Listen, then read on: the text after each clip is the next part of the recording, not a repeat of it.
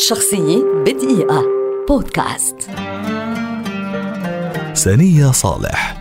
كاتبة وشاعرة سورية كبيرة ولدت في محافظة حما عام 1935 وتعد واحدة من أبرز وجوه الأدب والشعر والثقافة في سوريا والعالم العربي. هي زوجة الشاعر والكاتب السوري الكبير محمد المغوط. التقته في بيت الشاعر السوري الكبير أدونيس في بيروت في الفترة التي قضاها المغوط هناك في أواخر الخمسينات من القرن الماضي وتزوجته عندما كانت لا تزال طالبة في كلية الآداب في جامعة دمشق في سوريا في الستينات وأنجبت منه ابنتين هما شام وسلافة. ورغم إجماع معظم النقاد الأدبيين والشعراء والمتابعين على أنها شاعرة عظيمة جدا ورغم اعتبارها من أبرز شاعرات عصرها في العالم العربي لم تأخذ سنية حقها من الشهرة والانتشار والتأثير. وذلك لأنها زوجة محمد المغوط فسطوة اسم المغوط أبقاها في الظل. حتى أن المغوط نفسه الذي خسرها باكرا ودخل بعدها في حالة حزن رهيب رافقه حتى مماته لم يفوت مناسبة ليثني على سنية الشاعرة الفذة والإنسان الاستثنائية لسنية صالح دواوين شعرية عدة نذكر منها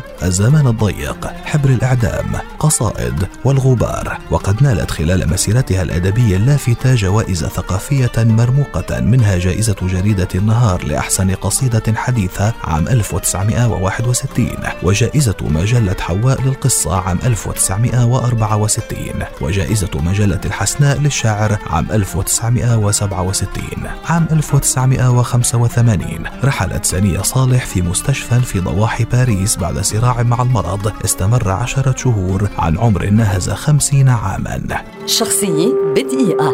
بودكاست.